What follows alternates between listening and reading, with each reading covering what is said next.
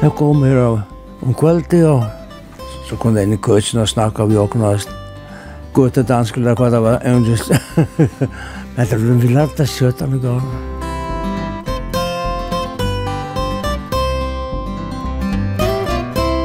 Det er kort lutjas jo i. det er ofta det er nästan löja det henger sammen i husen ofta.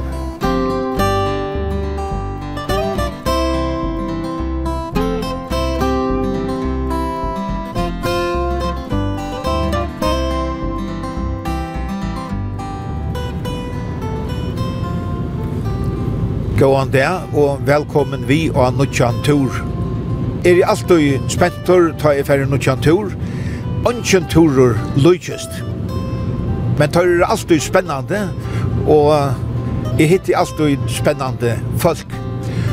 Og jeg har sagt det avur, og kan si at enn enn affer, at folk er og alt og ser av blod, og det merkes at jeg er glad for at jeg kommer til Torra Plås, tog vi ber ödel så etla så akkara heimsteg og hjertanon. Og at heimsteveren legger kjupt og hjertanon halte jeg vil få et godt døme om i det. Tog i det ferdig er at hitta en mann som er 3 og halvfems år gammal. Og han hever ikke vært i fyrjon til søgnast og 23 og arne er ferdig at hitta han i høybygdene, og gommel minner koma fram ator. Hev korst vestretter, og korst tjøknon uh, Våa-tunnelen, og kom nu mot Mivaje. Det er en gamla Miving vi skulle hitta, og i det, Johan Fredrik Johannesen, vanliga nevnter Jekvann, Han får til Danmarkar at læra til elektrikara som 20 år gammal. Papi hans er døy og sjånen da han var unger, og mamman døy fyrir 23 år og Sujane. Sujane hever Jekvan ikkje veri i fyrjon. Men nu vikar han attor. Blenkan igjen her. Her er husene. Her er husene. Her er husene. Her bor vi som bad. husene. Her er husene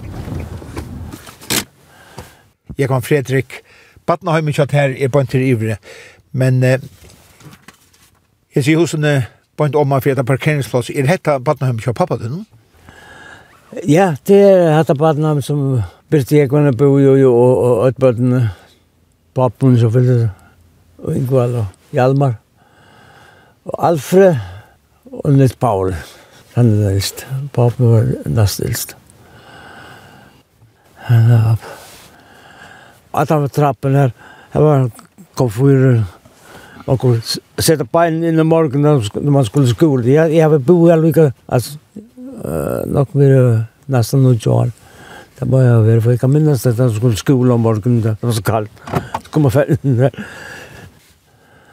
Det var slett, det var så pent och pent. Jag var på baden där, allt var gräs. Kikbok stod här och fick gräs och Arne skulle in då kvället stille så på dem. Det er det. Her bor vi, du kan det være en, si, åtte, åtte varande. Da huset ble bygd ferdig ut her. Kvita. for det her? Ja. Det Til Hjalmar og papen som bygde disse husene. Dobbelt hus? Ja. Så kunne spæra seg til var bygge sammen.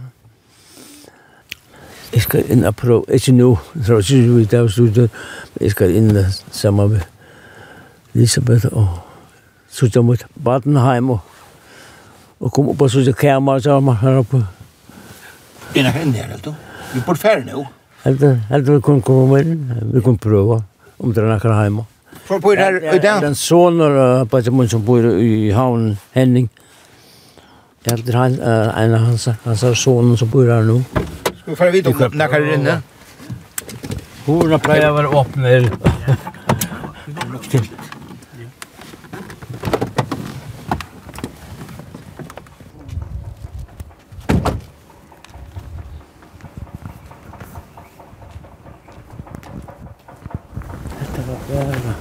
bøv og det hele. Det var ikke bratt og alt. Jeg det var mer, mer, mer lykke det hele. Det virket versen det hele. Haven helt vekt og Vi er litt til hava framme. Veveren er jo her, den gamle, hva så sier det? Den gamle gutten, det kan det være da. Lukka helt det av. Hei, hei.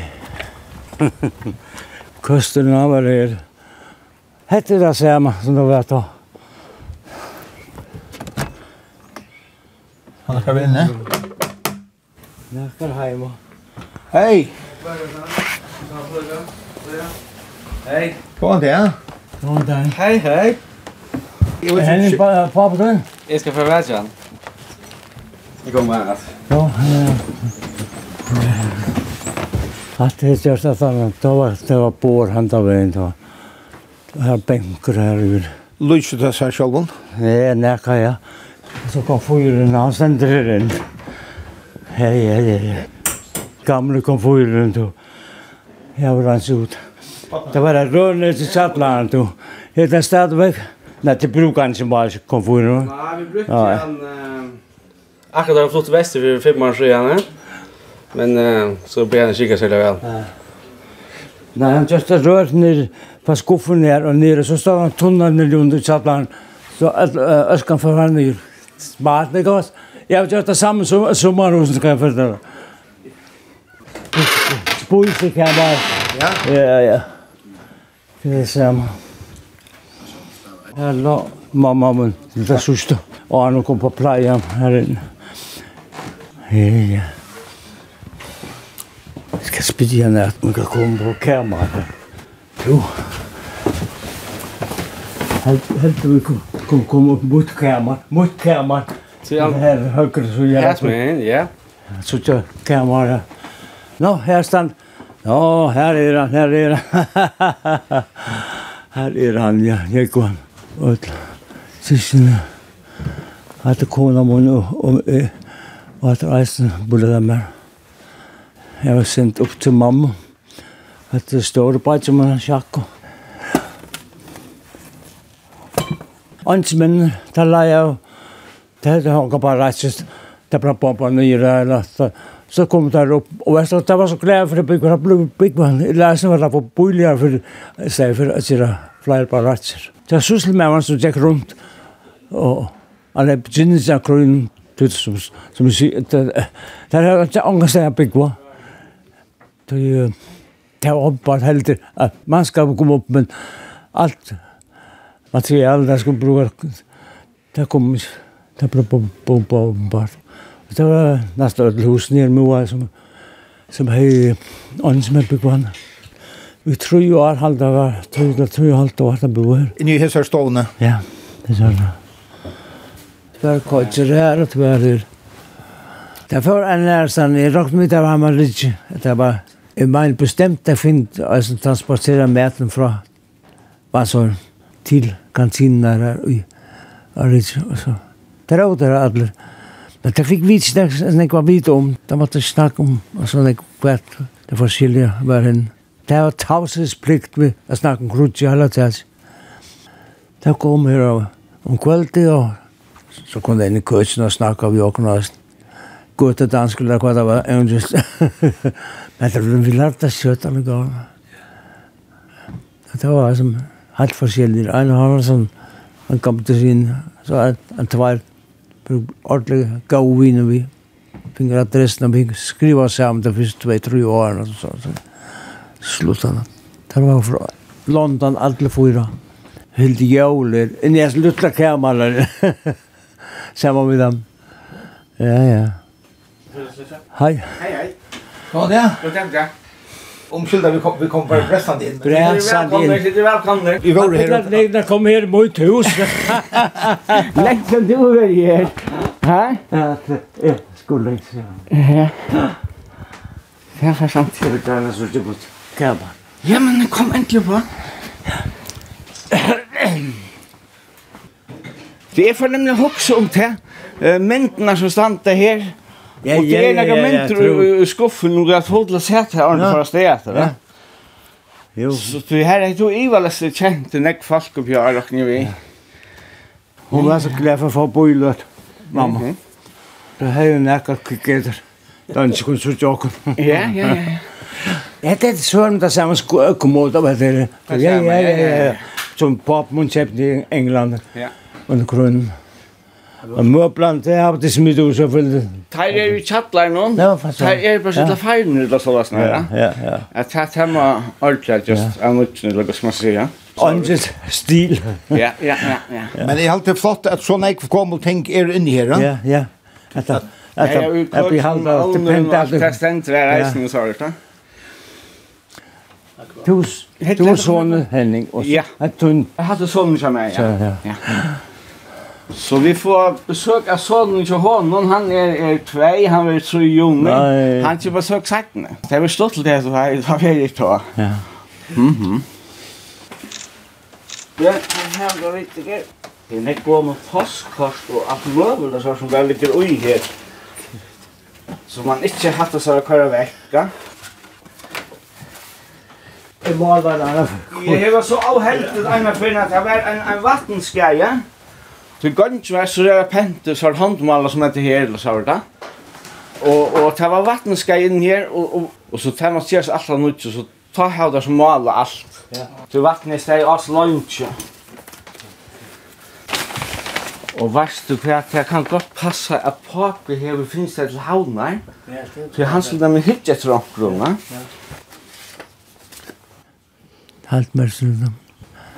Jeg helst stutla sutja til her, at kommodan och ett bolåten är där eller ja. Det är det. Den där pop köpt i Aberdeen. Under grunden. Kan var han var nog kan trus och fyra för all det Aberdeen. Under får vi nu köper.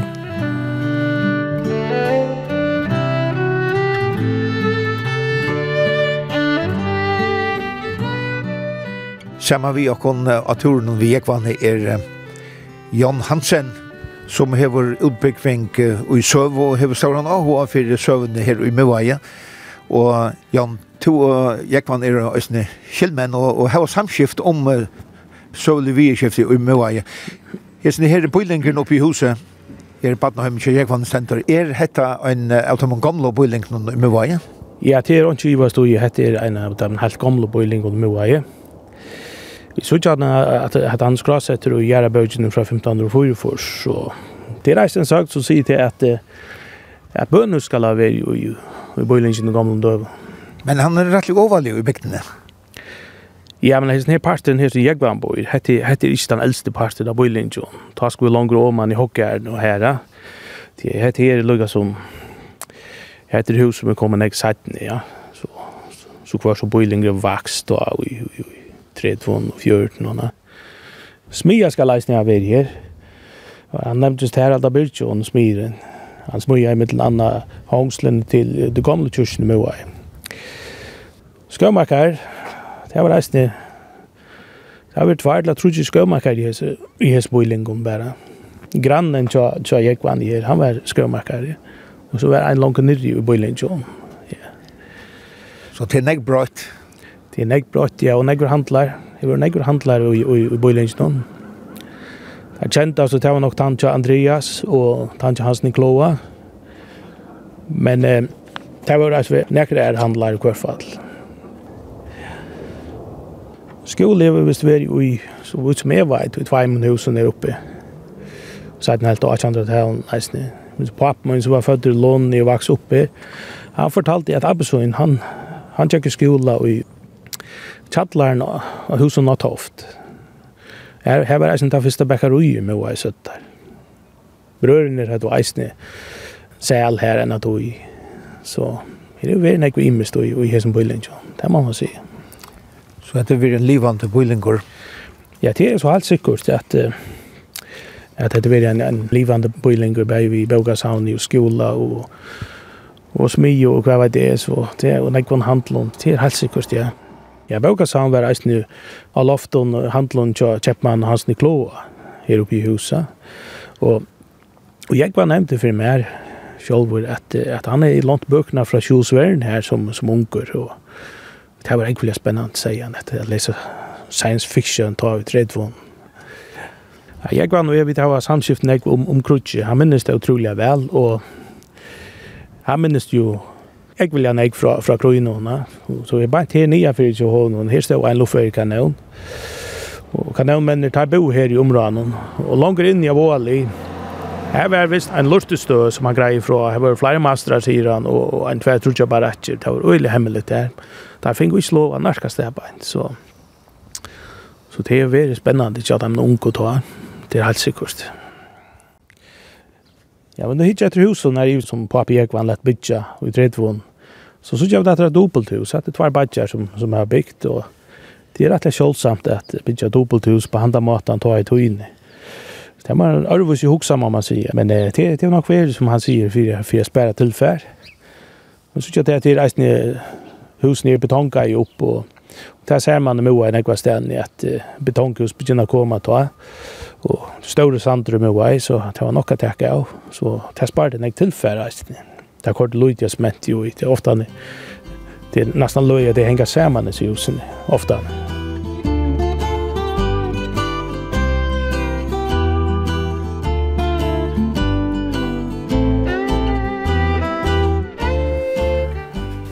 Som har baden så blir det større alt. Ja, ja, ja. ja, ja.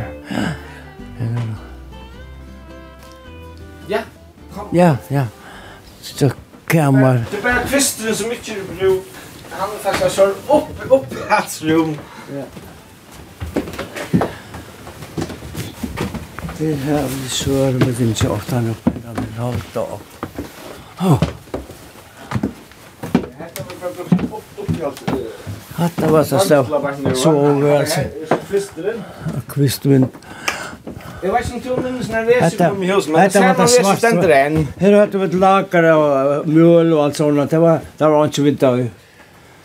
Jo, det var jeg sist. Dette kan være som er du. Og det er fjentan her. Ja, ja. Alt er det skjer. Jo, det er skaper stedet. Det skaper her? Ja, ja.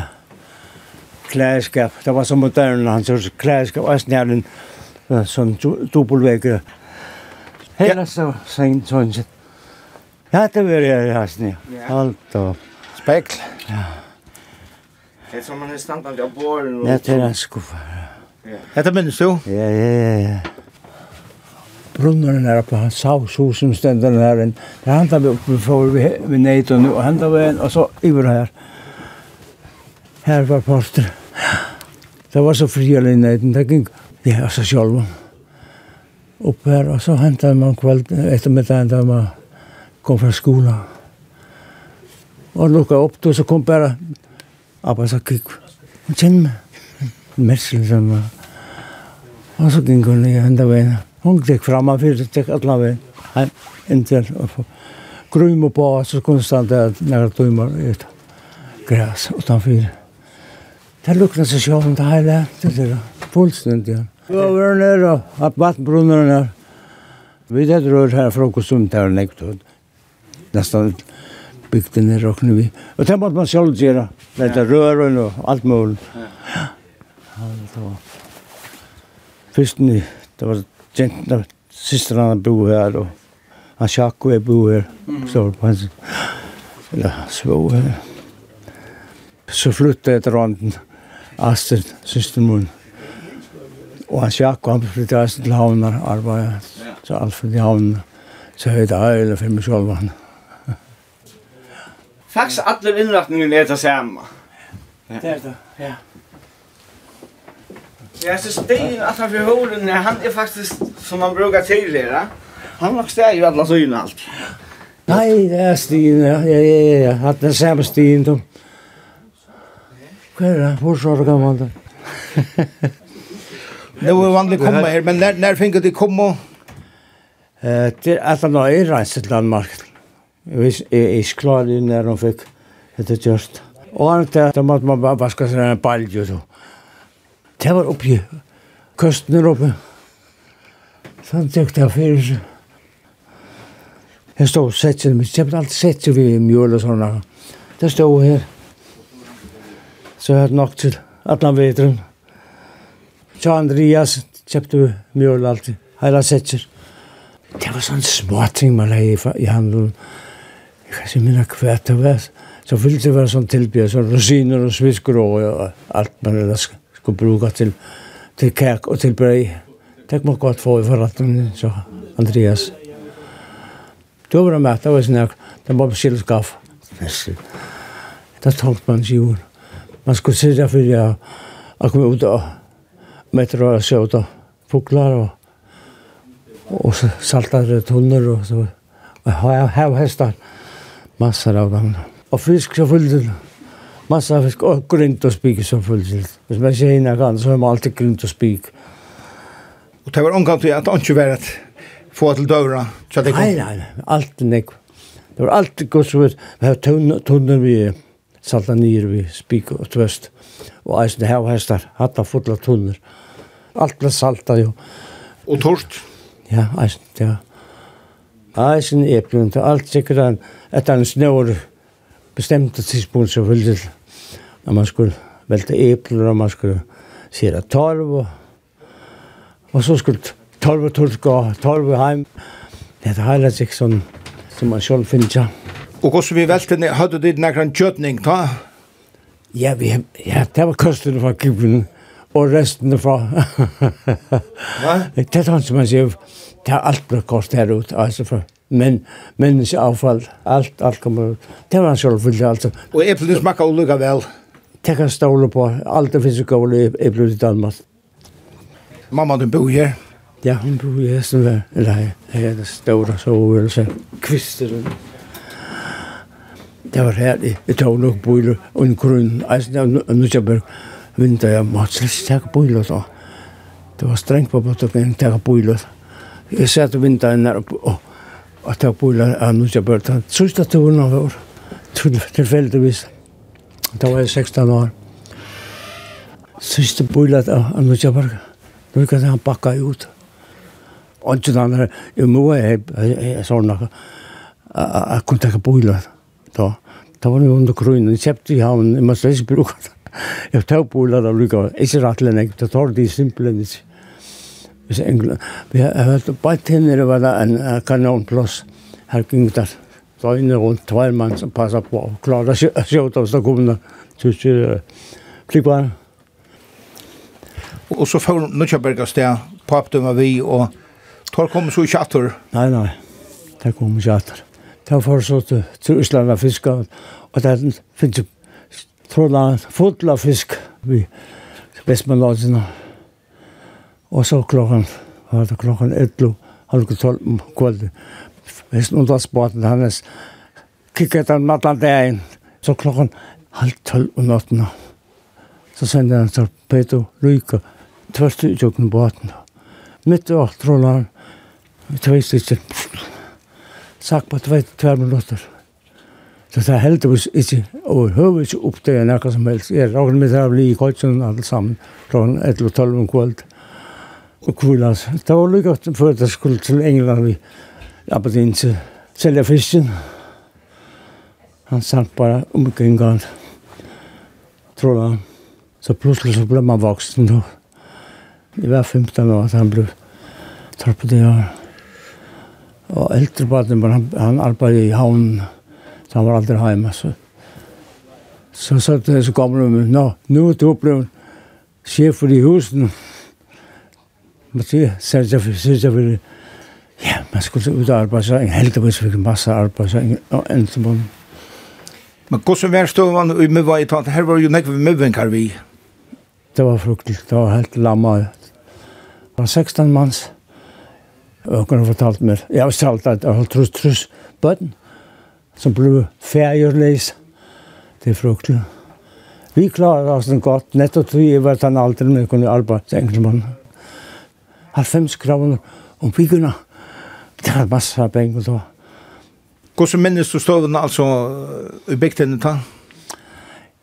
Ja, folk er, er for, er sånn, det sier sin ikke, alt sier ja, men snakker som det, det er helt forkjert, helt forkjert, ånd sier nek. Det tørte man stå, det blir inneklemt da, eller da. Det var, det var, det var ikke godt. Det var det bestemt, det stod. Det var en øyelig sorg. Ja. Yeah. Det var det.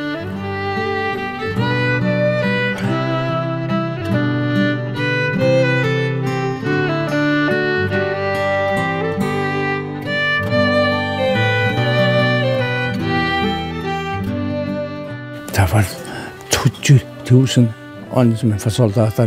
Det var akkurat, akkurat hakst. Og vi var 2-3.000 mennesker sammen. Man så nesten ikke den for rundt man skifter ofte en arbetsplats. Jag hade det var, jeg skulle nesten lete, jeg har ikke hva det fyra gikk rundt omkring. Jeg kan minnes det, jeg skulle møte henne av en klokken 7-8 morgenen. Og så kom en bil förbi med tilbud, og så ble man kort her, Han til Vansar eller flygplatser eller Oxen. Men annars för det var organiserat och det var ikke en eneste gang at man ble snutter av dem. Man ble hentet av mörkren og vetande. Og hva platt du å gjøre? Jeg var uh, rundt omkring, altså her, eisen her, og, og kort vi sånn, var i lasten, så ville kort det helt sant av at at lager her, da skipene kom inn, da kommer nok skip til mye, de fleste kom til inn, inn Sørva, og Her var nekt super her ved havnen her i Sørva. Og så var man bare rundt omkring, altså som jeg sier, pløy pløs nekka deier og viker, og gravbroten, han er, når man satt ved Vassar, forskjellig rundt omkring. Men til sist så fikk jeg, da ble man oppgraderet, og da, da kom jeg inn et, et store lagerplass der jeg var med her oppe i Tyskland, 1804, Tyskland, langt opp her. Det er kjempestort barakt å være, med ødne slags. Fra sykler og tøys, alt tøy og soldater tøy der. Jeg var nesten tre år her. Altså en sånn stor komstla? Ja, ja, nettopp så kom bilarna och skulle ha och ta och ta och ta. Så när man fick en lista och man skulle ta till där. Det var, det var det bästa arbetet jag gjorde. Och så plutselig när Alfred här hade skipet alltså. om man ville vi klara. Jag var kan bli några senare. Ja, jag så följde vi visste var hur. Det var ju helt spännande. Man trodde inte på att man kunde bli bomber eller något som helst. Man, man, man, man, man, man, man, Mersen. Og, og til å stått etter at pappen var, var ferden? Ja, tve år etter. Lukas tve år etter nå. Så mamma, du tar til å lette til ferden? Nei, hun, hun skjelte jo ut, det skulle de bestemt ut. Men man, man synes at man kan gå på vannet i gass, ikke som man sier. Det spekulerer man slett, slett på. Det. Og det kjente bra, det er godt, det var 3000 kroner for sånn tur. Det var Det var simpelthen bare nesten millionær, synes man selv. Det var ikke penger da. Da ble det ikke på. Man fikk man 50 kroner om viken. Det var bare den turen der. Det kan være tre viker, 3000 kroner. Det er nok forstand at det er ikke penger. Det kostet jo ikke. Ja. Da, det var deilig å sitte.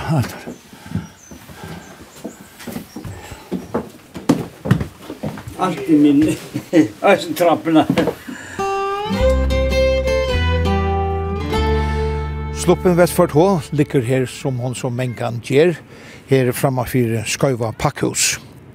Under krunnen løya jeg Alfred Johannesen henne at sikla vi fiskje ur Øslandet til Aberdeen, og bøtjen Jekvan Fredrik, som tar hver 18 år gammal, var vi en tur.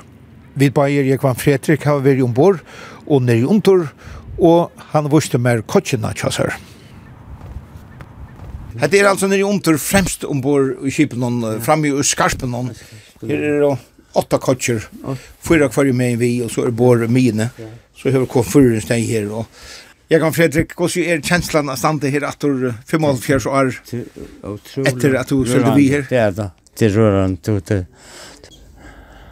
Puh, ja, det er halsmennsrød. Det er lodstasjon. Det er det. Fullstendig. Mangler bare gamla konforen. Så du har kalt bant vi konforen? Bant, ja, ja. Jeg tok altså på en av bøyene for hatt vi konforen. Men uh, jeg var ofte, det meste av togene oppe i Storhusen. Det var sikkert frem og tilbake. Brøy med over ham. Sier bare, det var en god, det var, det var funnet vi over alle veien. Det var fisk og fiskur. Fisk ja, det var det jeg ville ha. Men det skulle ha fish and chips.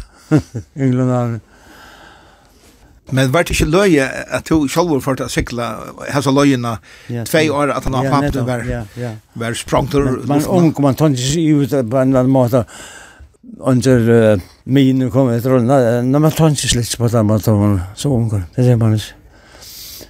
Det var aldra råk at vi skulle standa framme for stemmene på de skilte. Eisen om nåttene og kikka om det var om det var spata eller det var miner og god hjelp meg at hjelpe seg bestand det her. Hvis minene er en meter fra, tøy meter fra massøren, så er det for sent. det var ordre at man skulle stande og holde vakt Nått og det. Man tar tro man jo. Man kan ropa alla verorna så. Hörs man Jeg alt var seks mann. Der det er rattelsen for lengst siden. Der var det var folk sur, Tror ikke for sur. Jeg kan ikke komme om, en for sur var jeg. Han var siste på, han var noen 4-5 år eldre enn jeg. Erling. Han ble kaptein og sa sæten. Silt vi større skipen i Danmark. Jeg vet ikke om det var en fra havn, eisen vi eisen. Så var det flere nok ved omkring august måned. Ja, så selv de, de kunne søke at han hadde ja. Da var vi der til Østland og så Nordland England. Bare en tur. Så krydde jeg for by og så så får jeg eisen med grunnen søke ut og følge bankene og fiske. På gammeldags måte ned. Det var noe helt annet enn at jeg sykkelturen til England og fiske torsk. Det var nekko menn. det var men omkvar og kodjo. Det var hardt. Men det var bare ena som var år etter.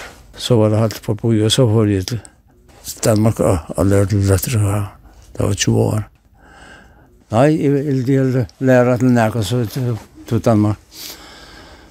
Og så har vi lettere å lære. Jeg har bare lødre nesten 40 år. Så Jeg kunne sprelle stedet vekk. jeg var for unger alt på alt. Det meste jeg har gjort det var uh, i noen bygninger.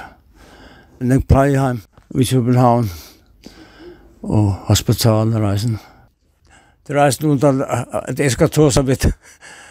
Det Appelboen, hvor var ikke noen siden, hadde et eisen intervju med. Han var, vi, han skrev så var vi fra uh, land i Åhøgre, det kom fra Østlandet. Ja, Skarsvøk, ja. i Fokle. Ja, finnes jeg videre, det var Abba som tok kommanden i ut av hele, så det er ikke for lyst. Så det var våken som kom vi falske ur Østlandet? Ja, og det var flere hundra nere i lasten. Konfolk som har vært oppe og, og jobbet til med fisken, det gjorde det da. Det var til Østland vi om forrare, og så opp heim etter om hest. Og jeg har jo hørt at det var godt sånt, at det ikke enda var Skarsvåg. Ja. Skipet klarer jeg å dreie rundt vøkene. Og det var Appemund som gjør det. Så det var lammar at det skrekk. At jeg var sikker på at det var lyst. Så nu, opp og standa. Og han har hjelp til å få seglene opp og få skipet dreie ut. Så det var på det stedet. Det er kanskje løsere han holdt det men det gjør det så. Så han redde det det var så flere hundra ombord, så vidt jeg minnes det. Og han sa, Ingvald, som er pappabansjemunn, Det var undervannsbåten under den første verdenskronen. Det var det eisen gjort noen tabu i. Jeg har sett nekka av det. Alltså det var ju åtta förskottsloppor som blev skottna nyer skapna av färjabankan. Ja, ja, ja, ja. Han var ju en mässel han i dag minns han med Moa, men han var lite snacka när jag kom det då. Det var städat oppi hodden som vilsene. Det ble som ordrar å fara ut av skipen og nere i båten. Det fikk lov å komme båten der. Og så skåte skipen ut så sunko. Jeg held han kom til Sørva. Jan Hansen i Møvaje, du har haft en tog i samband vi Jekon Fredrik. Hva først du bor ur Jekon Fredrik som du ikke visste fra andan? Det var spännande att tåsa vi jag Fredrik. Det var ju med næsten, Han synes han bara pappa min. Och han var utrolig vel, och han minns det otroligt väl. Alltså jeg fikk samband via såla som man säger som sånn jeg gjør det till till jo Facebook. Det är ikke en kurs som er i Hofhemsson som är Facebook. Men eh, jag har som sagt Lise Söv och, och Og så fikk jeg til oppgave fra kommunen i Vestri, jeg skraset av kruksmenner, sammen med Fodmundsfellan. Og Og jeg bruk for noen gav og troverdig om kjeltene. Og så prøver jeg å skrive til han og, og, og spørre han om han visste det om krutsk. Og jeg ble rett livraska av det. Han minnes så mye vel, og det er flere detaljer jeg finner fra honom. Som, som andre ikke vet Og så, da man arbeider vi, vi, vi søv, og så, så er det en ekve bit der man setter seg man for å få et halvt av bullet. Og her er han veldig en, en viktig kjelta som er, og samtidig er han nästan en olja. Frittligur og honaligur och fytte personer. Det var ju spennende, det må jeg si. Och en människa som uh, ikke har vært her i 23 år, han minns det ganske bättre än de som är ute i daglige til gamla. Ja, här har vi sett flera färger. Att uh, folk som bygg utan utanlanda och kom åter, de minns näkt bättre. Ofta några detaljer från badnåren som dagligdagen har vaska borster ur minnen og, og hinnefakkene. Det er ångkens vegna med at jeg er og ut i landet og det ene for er. Så leita tankene ofta en heim til fyrjar og til familjena og til heimes som hendte da det var bøten og ung og du sitta og fast. Tja, nei god ut den, at jeg hadde ikke fyrst fyrir jeg oppleva det. Jeg hadde han hver særlig godt minnjas med, det må jeg sige. Øla troverdig person, det må jeg. Och det betyder nek för oss som arbetar så professionellt alltså att goda trovärdiga källor. Undrar att att han inte vill hemma och i tjejer för var en så livande personer som männer så väl och som är så hemkär som han.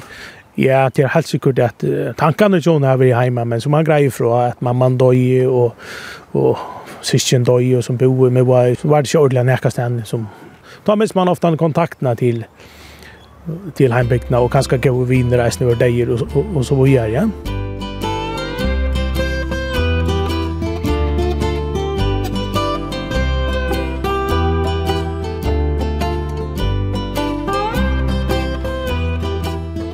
Nu går det igen. Det är stoppt då. Nej. Nej, det kommer att. Ja, det håller jag godt så till hundar. Hundar var här? Ja, här är han. Bror Luca här. Här får hundaren jeg ikke minnes 20 høner. Og så fikk jeg masse kullinger. Men jeg fann ikke på at stedet, det Det ble kauka. Jeg kan minnes til ombeharen. Hun stedde det var. Det lukna menneskert kjøtt. Det var døst. Ikke som hun rønte da. Ut av sjøtta foglar og tala seg. Et sesong som det nå er.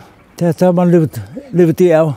Og epler og tarv og Det er helt spennende da. Jeg så assosiater. Rørende.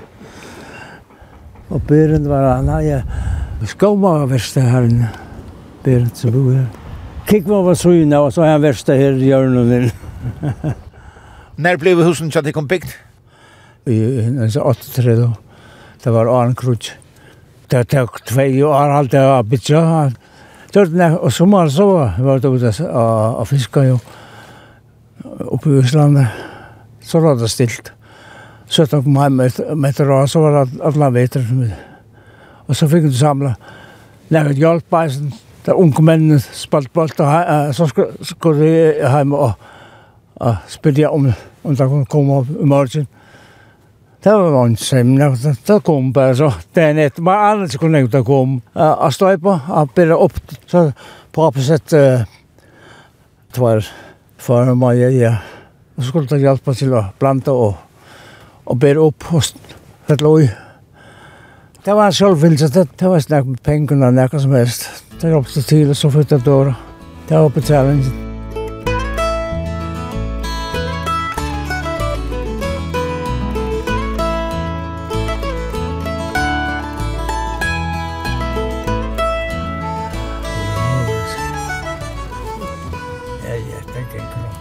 det charmerande här. Det är ju så gott när jag va. Chattlen ner. Händer, ja. Ja. Stäga här. Allt att chatta så var så nu då den biselt. Det blev halt och lagt. Det bygde. Det var här lån när Ja, ja, ja. Så her er nek bra att jag vann. Otroligt, otroligt att det ble bygd där. Så er det så. Men han kjenner denne mannen her. Det er Gudmund til Daniel. Kjenner du Gudmund til Daniel? Hva var det? Hva gammel med vi går på det her? Hysen her? Ja. Det er 23 år siden han var med veien. Så kan jeg kjenne. Jeg vet ikke om jeg kjenner ikke trekk helt. Nei, det er nok så verdt. Det er noe år siden. Det er noe år siden jeg får til Danmark. Ja. Byrte jeg også. Er det byrte, nei? Ja. Og Gekvan, opp igjen, nå er vi. Nå er vi. Ja, ja, ja. Nei, jeg kjente slett ikke. Nei. Dette er immenesil. Ja. Lutsen kommer fram til meg veit. Ja, ja. Jeg var hva da du gjør det, var du ikke. Hva var? Hæ? Hva var det? Elektriker. Ja, ja, ja, ja, han var det godt. Jo, vi får til den måten, at det var 20 år. Sundminister. Hvor gammel er du? Jeg er fyrt og fyrt. Nå, bare fyrt og fyrt. Ja, det er bare. Jeg tror jeg er 50. 93, ja, ja. Ja, det ble det. Jeg ble sett 100. Ja, hva er Henning, hva gammel? man? Bajtseborn? Ja. Han ja, han samma allt som du. Ja, ja. Jo, jo, det är han. Han bor ja. Spela samma ofta. Ja. Han bor i havn. Ja. Och resten det är det ju. Ja. Ja. Det är bara Henning. Allt vi bor där. Ja, ja. ja. Det är det. Det är helt och lagt bygden då. Ja, det. Det var bara bor allt samma. Det var. Jag känner inte, jag känner inte folk långt. Nej. Kjente kun einasta ein fyrir det var nu er jeg vet hva det er folk. Det er nok fremma folk, altså. Ja. Det er det. Nei, da var pensjonera ut, men kanskje bare genka og medle. Nei. Så fann jeg på at her, jeg kjøpte en dreibank. Ja. Finast alle. Det er så flott ut. Og motivet det er seier, og grønt, og fiskur. Ja. Det er det vi lever av, oss. Ja. Det var det alltså för försvarens. Ja, det är det samma stadväg. Ja, ja, man skulle själv skaffa med nätten till dövra. Ja. Ja. Det knäck vad säger. Jag förstår att det släts is man ska få ur handeln och säga. Nu är allt i handeln. Det kanske det ska göra. Ja, det vet att ta handeln alltså. Ja. Så där ja. Ja. Ja. Ja, det var så väl mästervärden. Nej, nej, nej, det det var socker och... Ja, ja. Så kjøpte jeg te. Smart. Ja, te og kaffe. Først bund og te. Og så kjøpte jeg et halvt kvart bund. Ja. det var fjeren pund, så det. Ja, ja, fjeren pund. God morgen til I skilja lenna til bare er og skilmenn til Jekvann. Hvor skjer det? Jeg holdt på Jekvann atter etter som man år. Ja, det stod la helse på ham. Og jeg kjente han slett ikke, over høvers. Men jeg vet alt om han. No. At han er til og, og arbeid og sånn. Nere. Ja, jeg i inn av brystene. Det er i forhold til Henninga. Ja, det var Henninga. Ja. Samme alt som Henning. Ja. Det var neitt baden og husagæri her. Ja, det var. Helt dårlig, men. Det var hans... Vi var bare... Sånne seks kvarn huset. Ja, vi var bare sjei. Bare sjei, no? Ja, så var det 30 og 12. Nu er, nu er ikke nek, men det er kommet nå. Ja. Ja.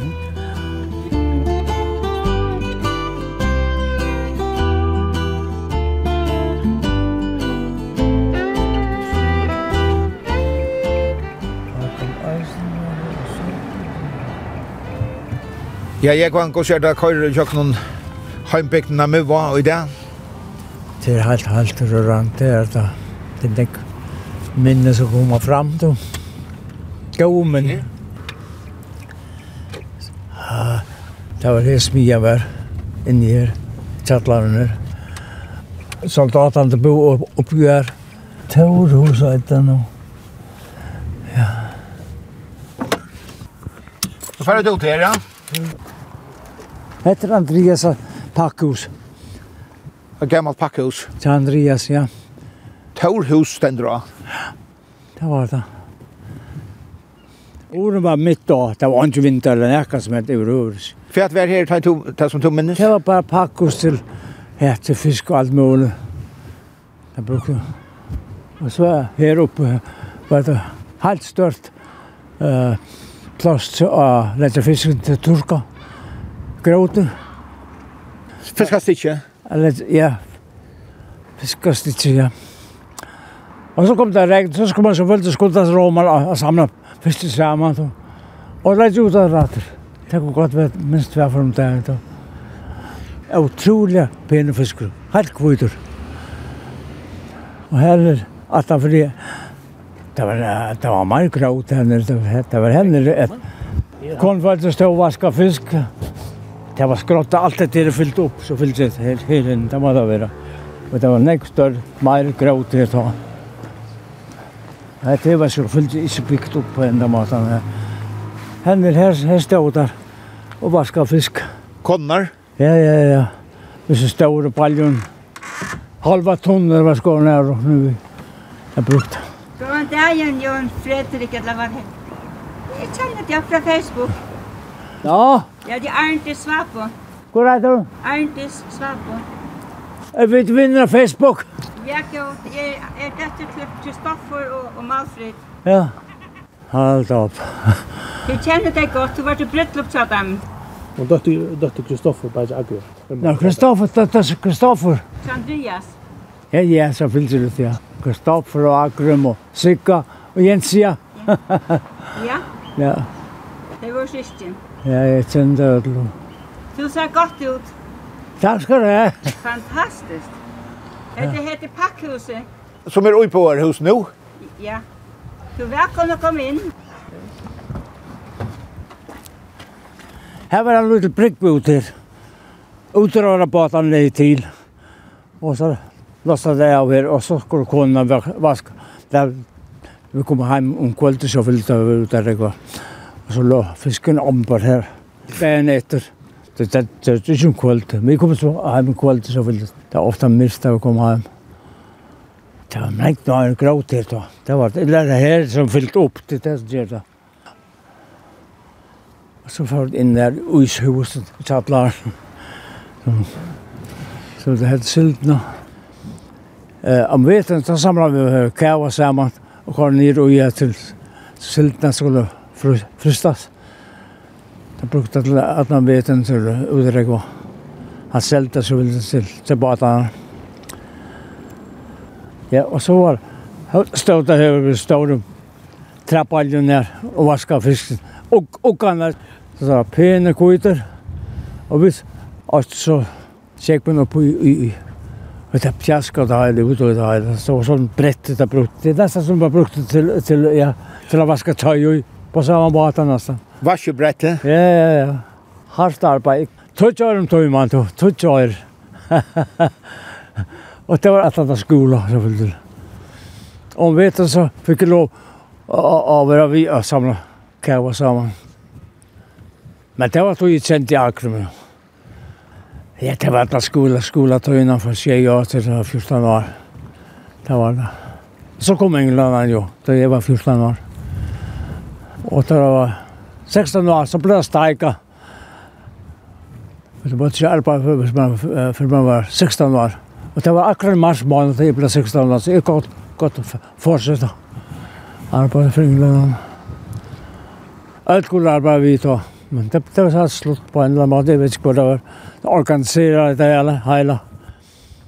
Det var spennende, tror jeg, alle gaver. Det var trekkalv inni, og så var det en stål lemmer som vi helt.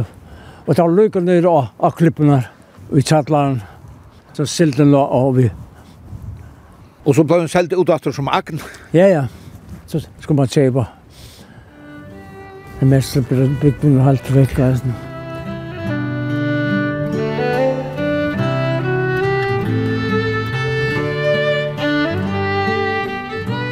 Jan Hansen, Gåsen ekve har vi veri i Megwaie fra gamlare tog? Og man pleier å si at det er seks gamle bygninger i Moa, ja. Men altså, det, det har vært nek flere inn til som har vært ute i, det. Så, men man pleier å si at seks gamle, da. Og det var her uh, Jekvann arbeidde fisk fra Smadrandjau. Ja, hette er inne bakka, og det er mer en, en nudjar bøylinger som tek seg opp sust i 1800-talen. La miska i 1800-talen og ta i, og i handelen ved frugivin, og Og då det med unga for at jeg får handelsløyver og får seg handelsløyver og, og bygge pakkehus og handler. Og, og her var størst fiskevirker i Hepan, torskafisk og, og så videre, ja. Du sagt fyrir der at jeg har arbeidet her i kjallaren nå. Det jo, man ser mynter fra at du har hørt eldre folk rett fra august og før fram, så ja, man kan forstilla seg hvordan det er jo ikke fyrir seg Hepan, at, at menn der har flakt og og salta og kvinnar her hava så vaska fisken tar han blir flaktor og så er det jo borg ut av fiskastikken og, og hedlen her rundt omkring og til torsingar og, og så har vi jo smadrønsner som har greit fra hjelp til på imska mata Alt dette her arbeid vi, vi fiska virksomhet og alt dette her er viser, det gjør det eisen til at det var bruk for det for en er smi i økjon det vill säga till att man har motorbåtar, man har slupper och annat. Det skulle jatten smöjast till i mest. Jag var minst väl att han hjelpte till att jeg blåsa i bjölken ta det smöja vi eld i här omanfyr. Och det var gamla här som byggde smöj och bara omanfyr här. Långt och nu kan tutsch om i det Ja. Det var regulär eldsmöja, ja. Nu man så just en eldsmöja här. Det är stått läkare som men ekki gau menn plei at uh, smui og ivi kvart. Fyrir jeg vise falsk kosta ja. virkar. Ja, arbeid for framma. Ja, nå hittir inn her, ja. Det er sånn. Det er norsligt. Ja, men da jeg var unger, da vet jeg det er vanlig at man smuja i eld, ja. Det er så, og det er gjør man da bare for stortlegger. Det er en øyelig utvikling som fører fram, det, det må man si, på alle måter. Nå er, man sier ikke noe fiskarbeid her, vi gjør ikke noen langer, men eh, og som jeg arbeider til er eisende vi at det er ikke ute bygdene. Men flekkaverset, ja, jeg er så kom i gang datter, så det er akkurat positivt tannveien eisende igjen. Så jeg kvann hefur finnje allar, man kan nesten si allar de store brøydingarna vi i samfunnan, altså, det ter hentar i hans tog. Ja, det må man sige, ja. Det er, det er en stor utvikling vi fer fram på alla möjliga matar så igen så igen han var född och han var ung. Krutje har ju en egen utveckling vissar på några matar och bara till förringar stoppa att att det är ju biografi, filmer och och och lust av ett live town light och såna där till. Det var helt ovanligt att arena. Och han grät man resten från och och och och säger att att att släppa sucha så här biograffilmer. I Nigerian är så Chester Camp och Erastan ju är här nere i Backa Det gjør det jo at han så lukka som går så veren så ut utanfor jokkene. Og det gav eisen i en utlangsål om at kanskje at ja, man forbetrar sin egen livs kan man säga trader att vi får utbyggving och kunna få att det är som som andra hörde och är ständigt vet. Jag vet också fattas lite i förrjun och i, i tredje vån där han växte upp och och, och med fjörden och Så bara det att han för nio långt och tar han han blev ung då.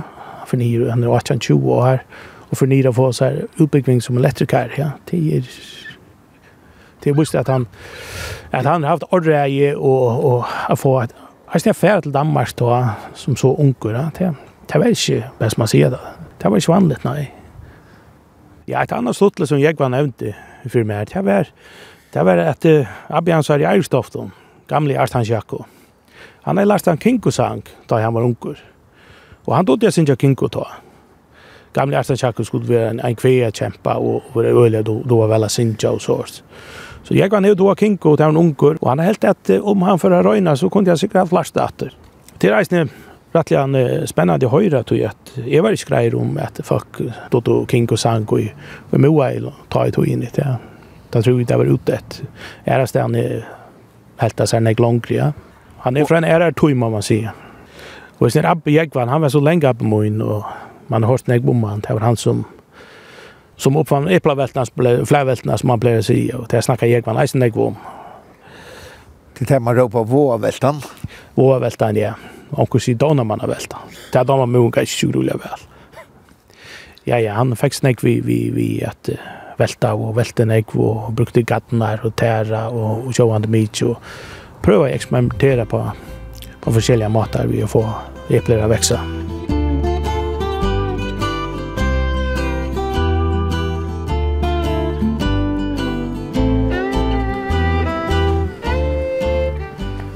Så nu färrar vi in till så som vi åkna in. Ja. Oj, her er funt. Men hette stort la suttja til. Ja. Ja. Ja, nek vi bratjan to vær her. Ja. I fyrjun, ha? Nek, nek, var søren. Tjej tre var søren. Tjej tre, du, hva skal det da være vi er for fyrja? Jeg er bare 93 nu. Ja, jeg høyre det, jeg høyre det.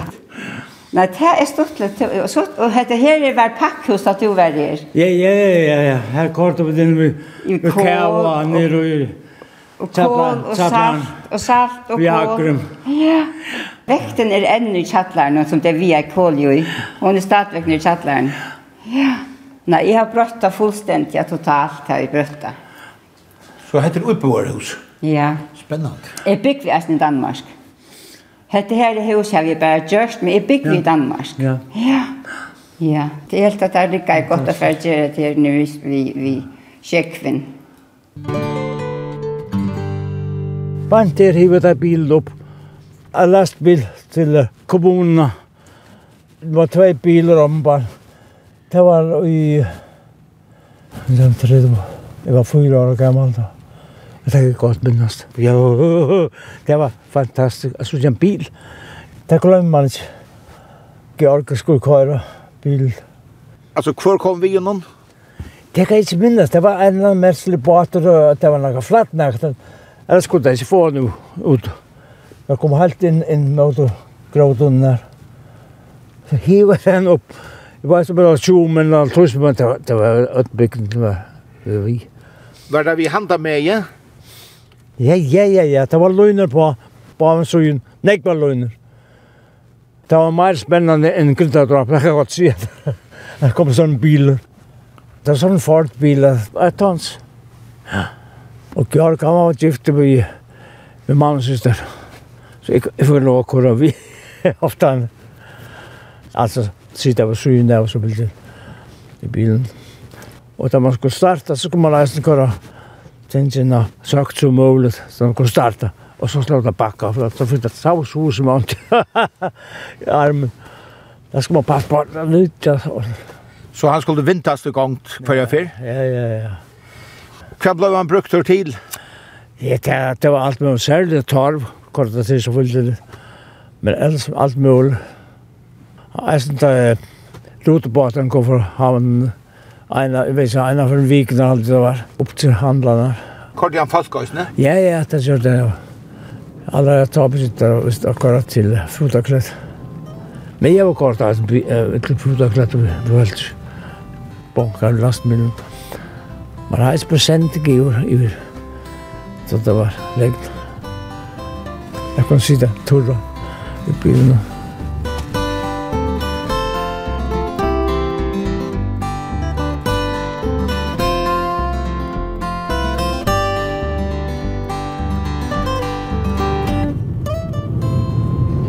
Hetta var så turen av Hesson Sinne, og hun har vært at høyre 93 år gamle med vingen, Jekvann Fredrik Johansen grøya fra.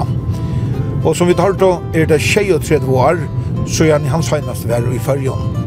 Og så kan jeg skøyde på i at braursåneren som bor i Battenheimnon, og som vi vet av, er Hendrik Johansen. Hesen turen er atter at høyre i utvartnon, torsdag klokkan 11 og leierdag klokkan 4 og det blir øsne til at lusta av heimasugene, skriva kvf.fo, framskak tt. Og turen finnes øsne som podcast. Vi tar og turen hever øyna suju av Facebook. Du er velkommen at dame henne, så sørst du mittel anna mynter fra turen om. Takk fyrir hesa fyr, vi høyrast atter om øyna vikon.